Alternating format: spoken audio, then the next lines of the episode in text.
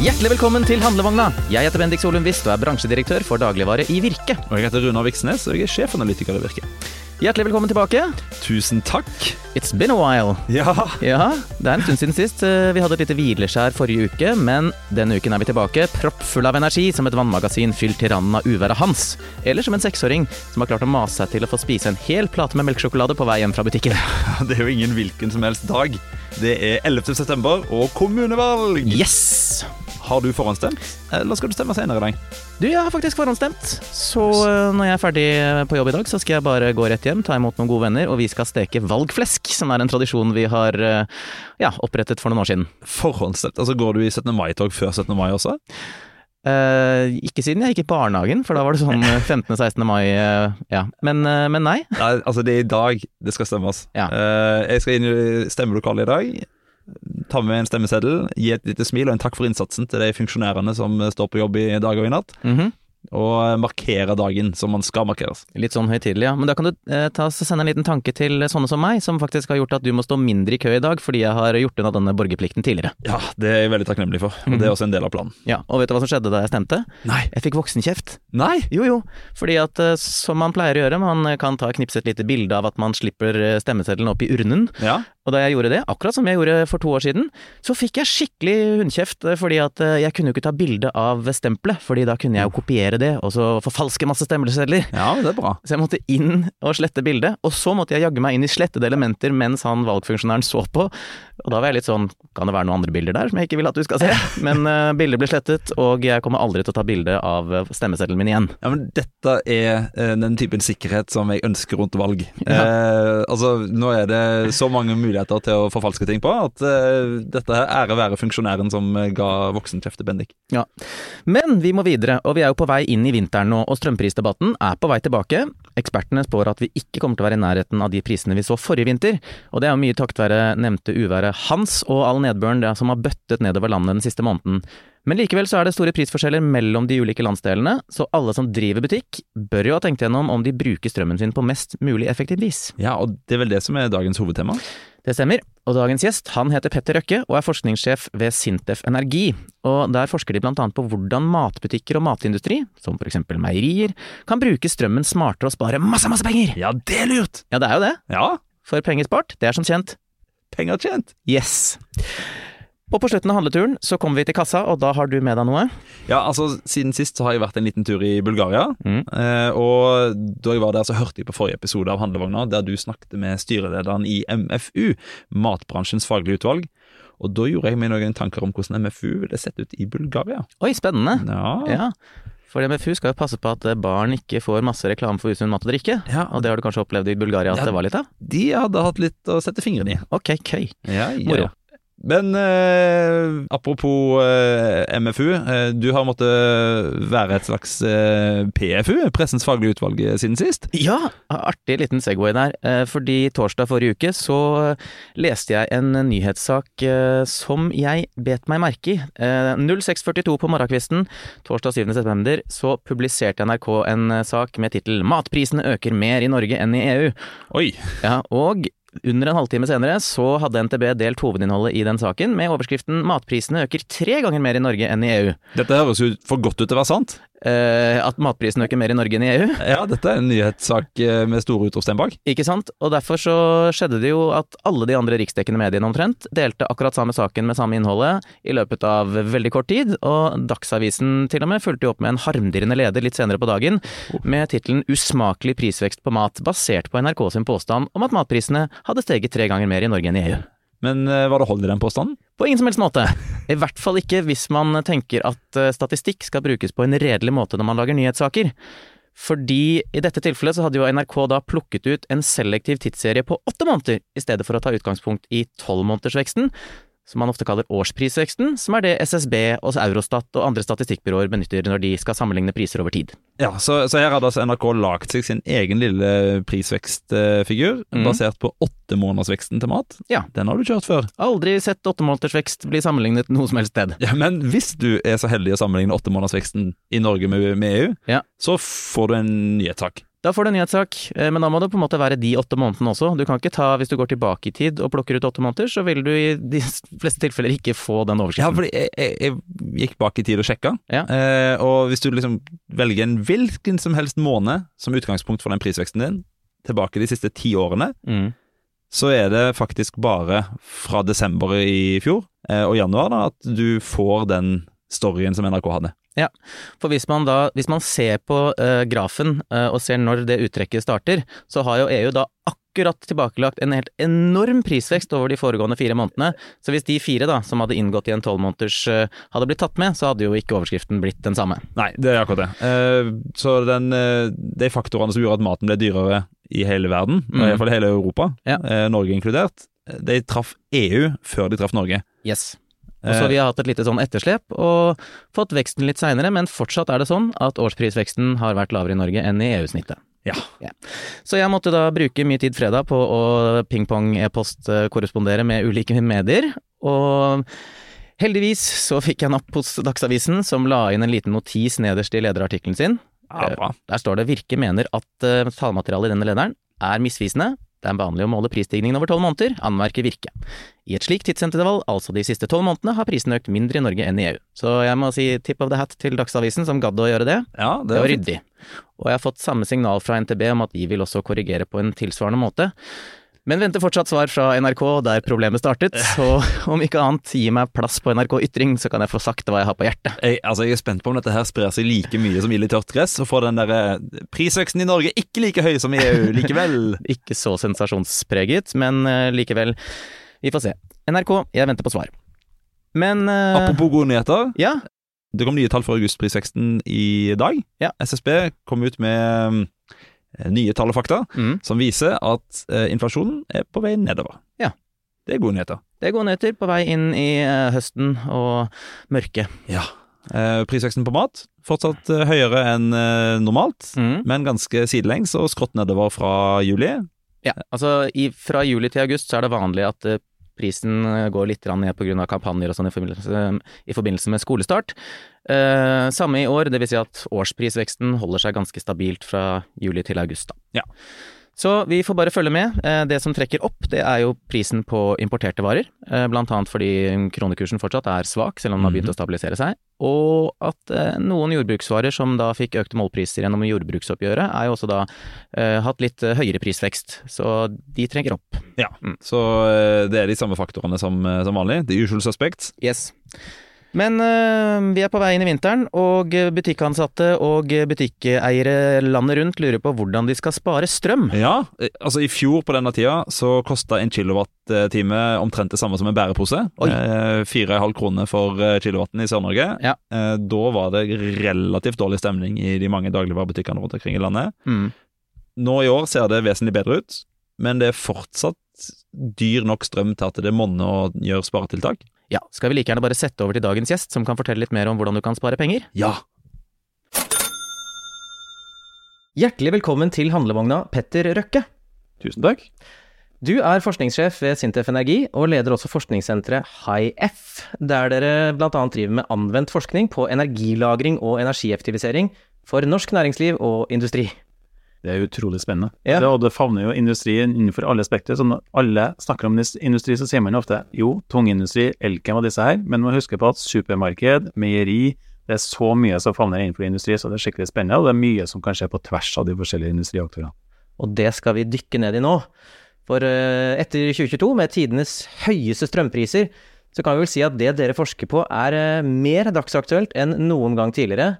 Enten man driver matbutikk, eh, hotell eller en bedrift som bruker strøm til varme eller kjøling, og det gjør jo de fleste. Bruker strøm, altså. De bruker strøm, og de skal bruke den så effektivt som mulig, spesielt når den koster så mye. Man skal ikke kaste bort noe av energien, det er en for verdifull. Nettopp. Så aller først, et lite serviettregnestykke for å pirre lytternes nysgjerrighet. Hvor mange penger kunne norske bedrifter ha spart i strømkostnader i fjor, hvis de hadde hatt de optimale energiløsningene for oppvarming og kjøling? Jeg setter pris på at du kaller det serviettberegninger, da, for det er litt sånn serviett-ish. Så, så kan man si at eh, det starter med at energibruk i Norge, altså går ca. halvparten av all energibruk går til oppvarming og kjøling. Eh, Og oppvarming og kjøling, og bruke strøm til det, det er ganske lite effektivt. Men, men, for å ta det litt sånn videre, da. Eh, det du spør om direkte, så har faktisk NVE en rapport på det. Så da blir det rett ut fra manus her at eh, overskuddsvarme, hvis man har kunnet utnytta det bedre, så kan man spare 2-3 milliarder kroner innenfor den sektoren. Og hvis man kan bruke avfall til energi, så kan man, da er det 8-13 millioner kroner, så det er mye mindre.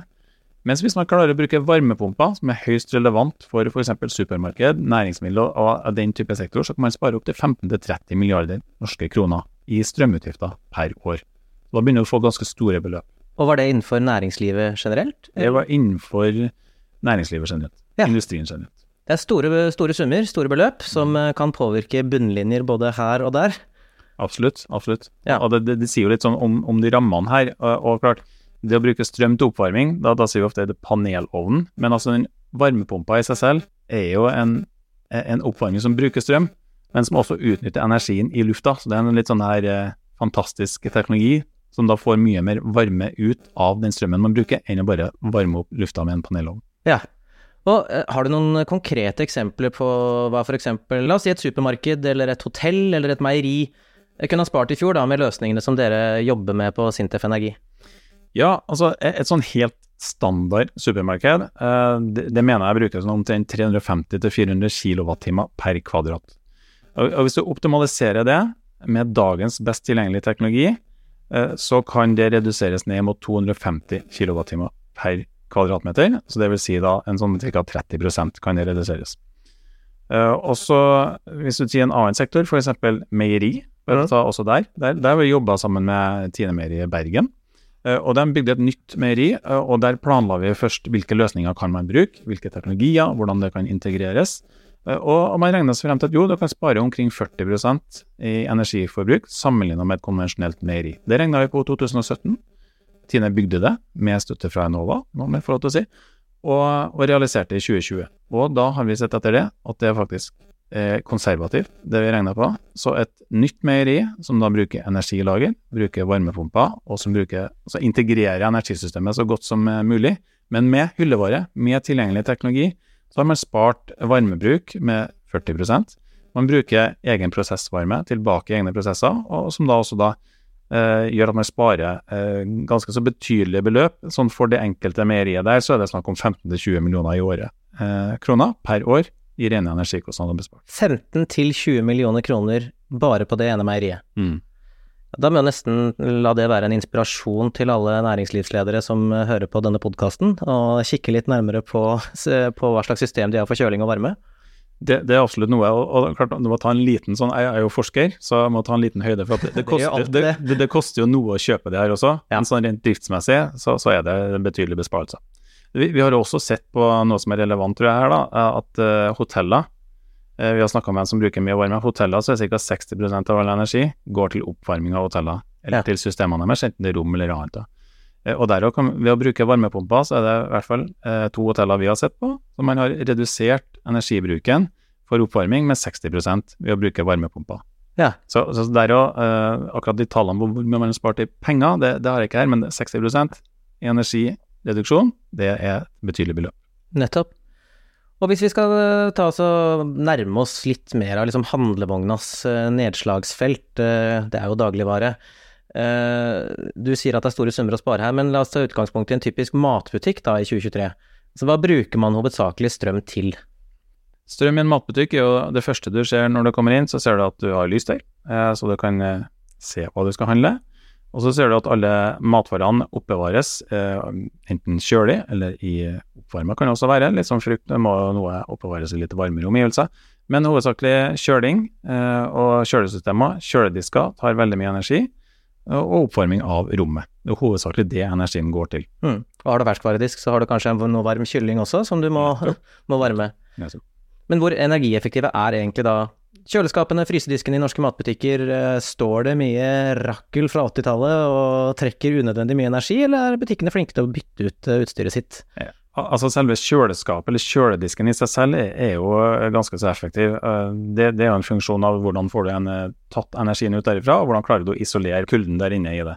Men i forhold til alle den andre teknologien som er en del av de systemene der, så er det ganske mye som kan skje, og som man har gjort innenfor enkelte eh, supermarkeder. F.eks Fra, fra gammelt av man, man hadde kjølesystemer basert på sånn type KFK og HFK, sånn type giftige gasser, som ja. ødela, ja, som ødela ozonlaget vårt. Mm. Så har man gått over til naturlige kjølemedier.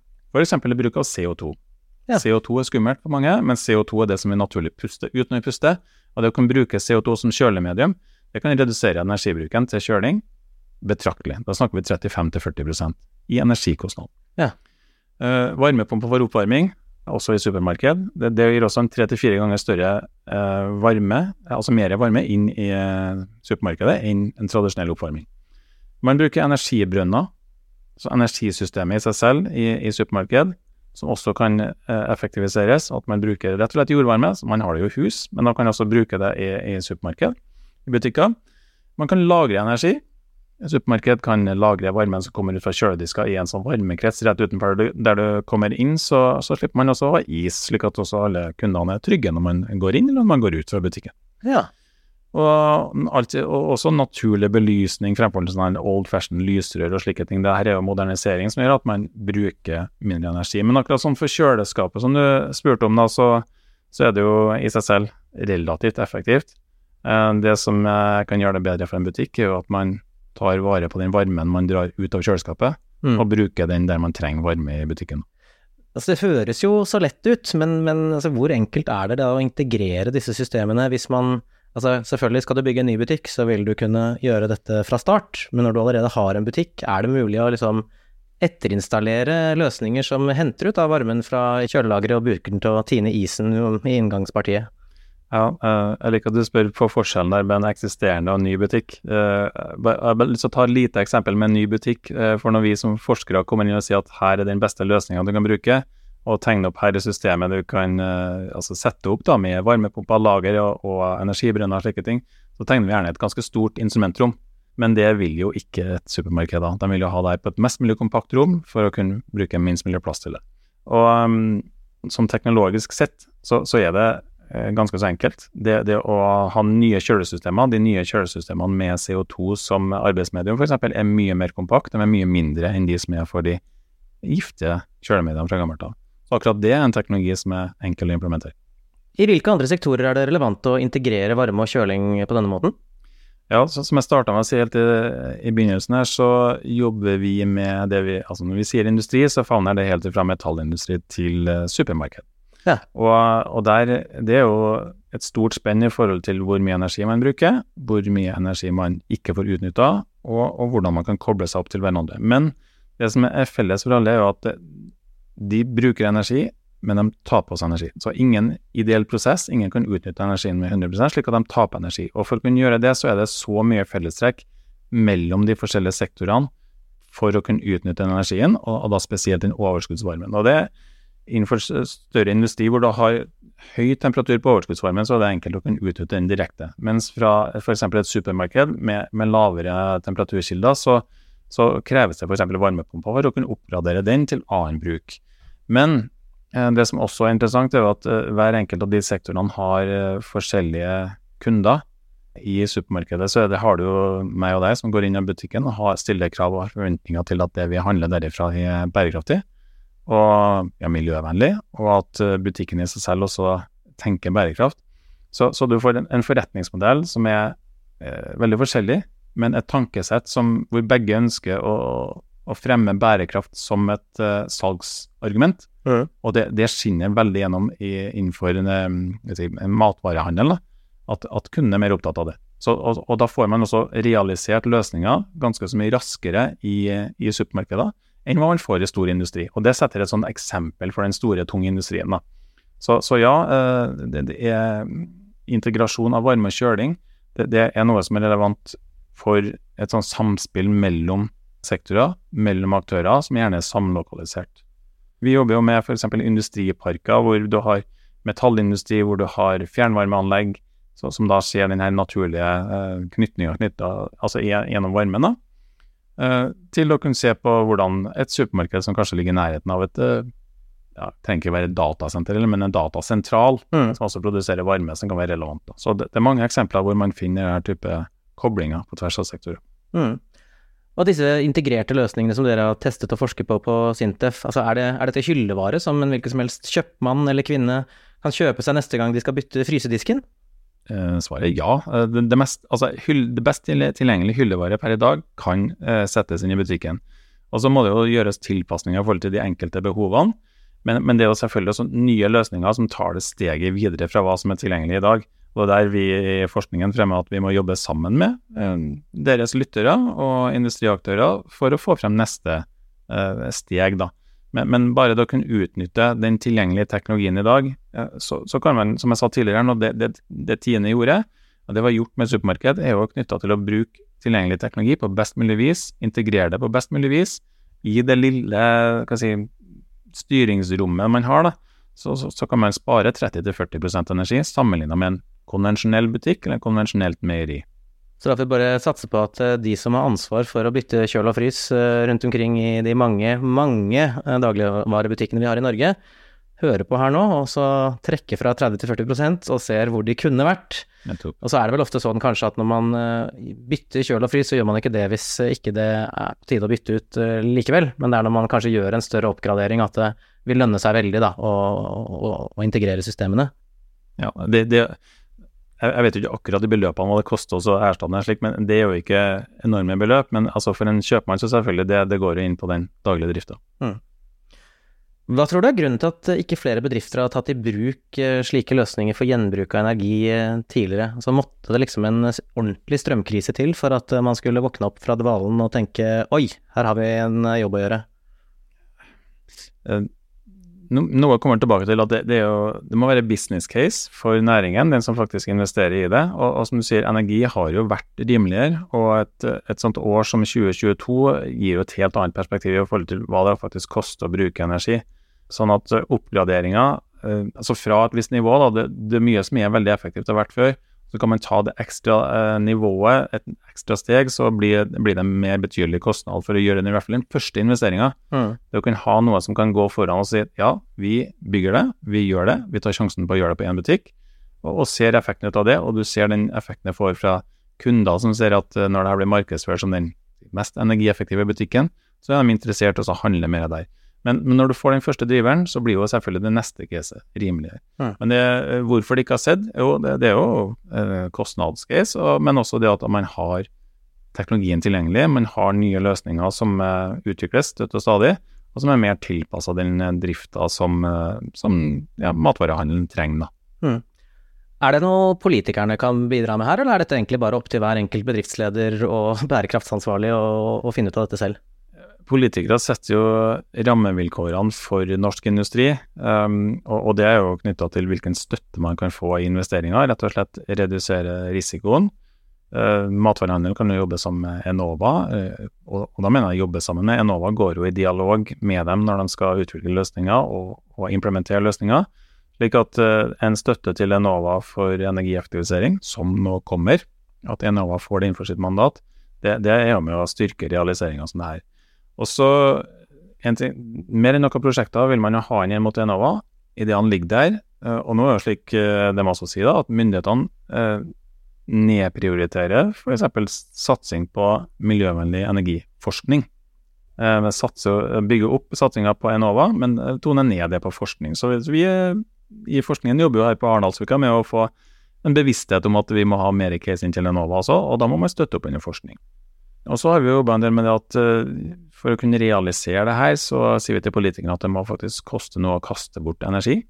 Energien er en for verdifull ressurs til å ikke utnytte, eller at det må lønne seg å kunne utnytte den. Kanskje det skulle vært noen insentiver for at uh, aktører i næringslivet kan få litt støtte hvis man skal utnytte energien fra en uh, aktør som har energi tilgjengelig, overskuddsvarme. Kanskje man man fått støtte til det, altså rett og slett en eller annen redusert kostnad i å bygge utstyret. Så, så politikerne kan absolutt sette rammeverket, og spesielt i år, når det er lokalvalg, eh, så er det de lokale myndighetene som kan legge føringer for hvordan det, det utbygges, hvordan det utnyttes i lokalsamfunn. Da får vi la det være en marsjordre til de som driver valgkamp, og eh, om dette sendes etter valget, så eh, ja, da vet dere hvilken jobb dere har å gjøre. Helt til slutt så har jeg et obligatorisk dobbeltspørsmål til alle mine gjester. Hva er din favorittmatrett hvis du er gjest eller går ut for å spise, og hva er din signaturrett hvis det er du som skal få gjester på besøk? Ja, men si, Hvis jeg skal ut og spise, så blir jo det gjerne å spise det som man føler at man er svakest på å lage selv hjemme. Så da blir det gjerne noe god fisk, en, en, god hvit fisk med noe ja, godt tilbør til. Da det, det føler jeg at jeg er litt mest utrygg på det i kokkeleringa hjemme.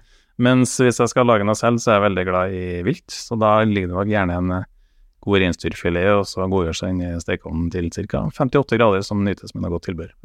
Ja. Og noe godt i glasset. Det kan hende.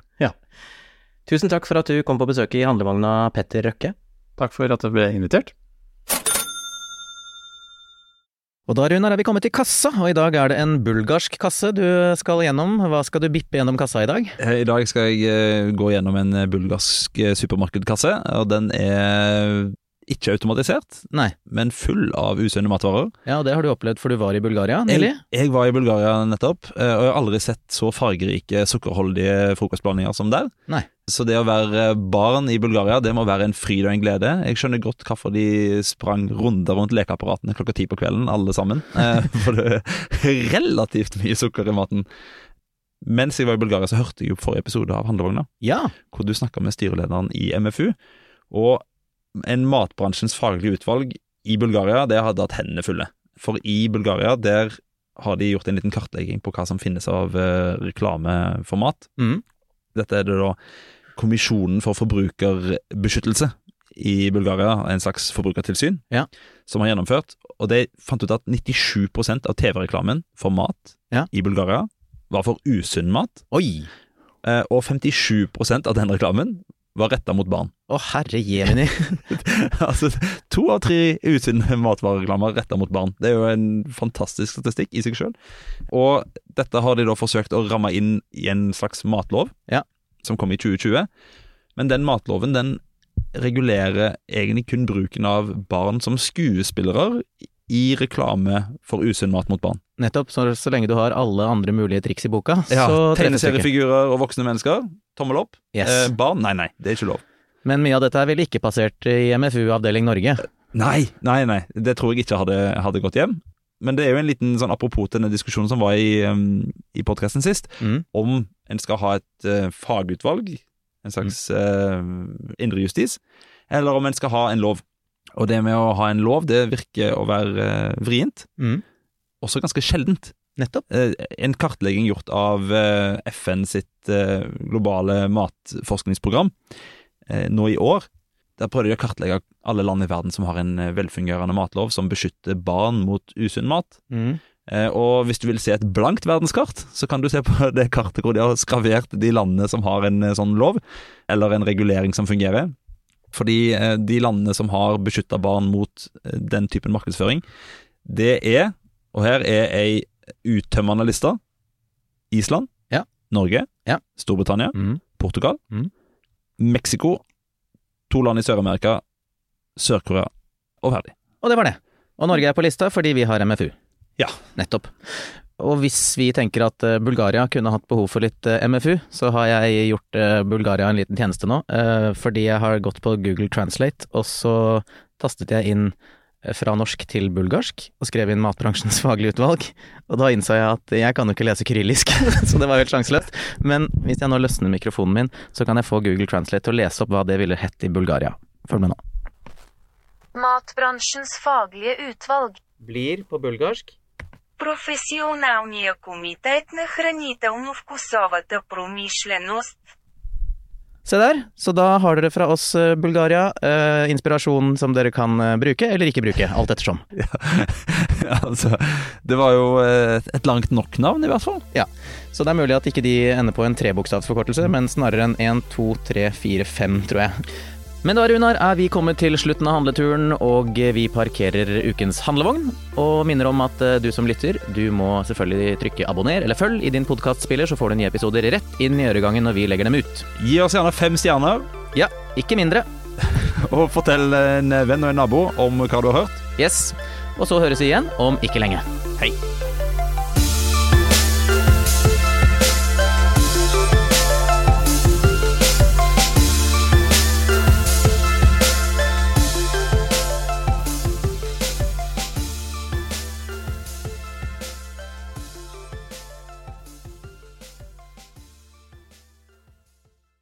Hei igjen, kjære lyttere. Helt på tampen vil jeg i ryddighetens navn hive inn en verbal fotnote. Et par timer etter vi spilte inn dagens episode, fikk jeg nemlig svar fra redaksjonssjefen i NRK, som orienterte om at de nå har endret ingressen i saken om matpriser, og byttet ut ordet stiger med steg første halvår, i tillegg til at de har lagt inn litt mer utfyllende info om hvordan prisene har utviklet seg i Norge og EU siden Russland invaderte Ukraina. Riktignok har de beholdt overskriften som den var, noe som er litt misvisende for de som orienterer seg i nyhetsbildet ved å titte raskt over overskriftene. Jeg håper derfor at redaksjonen i NRK Ytring, når de gjør sin selvstendige vurdering, lander på at mitt innspill bør komme på trykk. Handlevogna holder pusten og takker for seg nok en gang.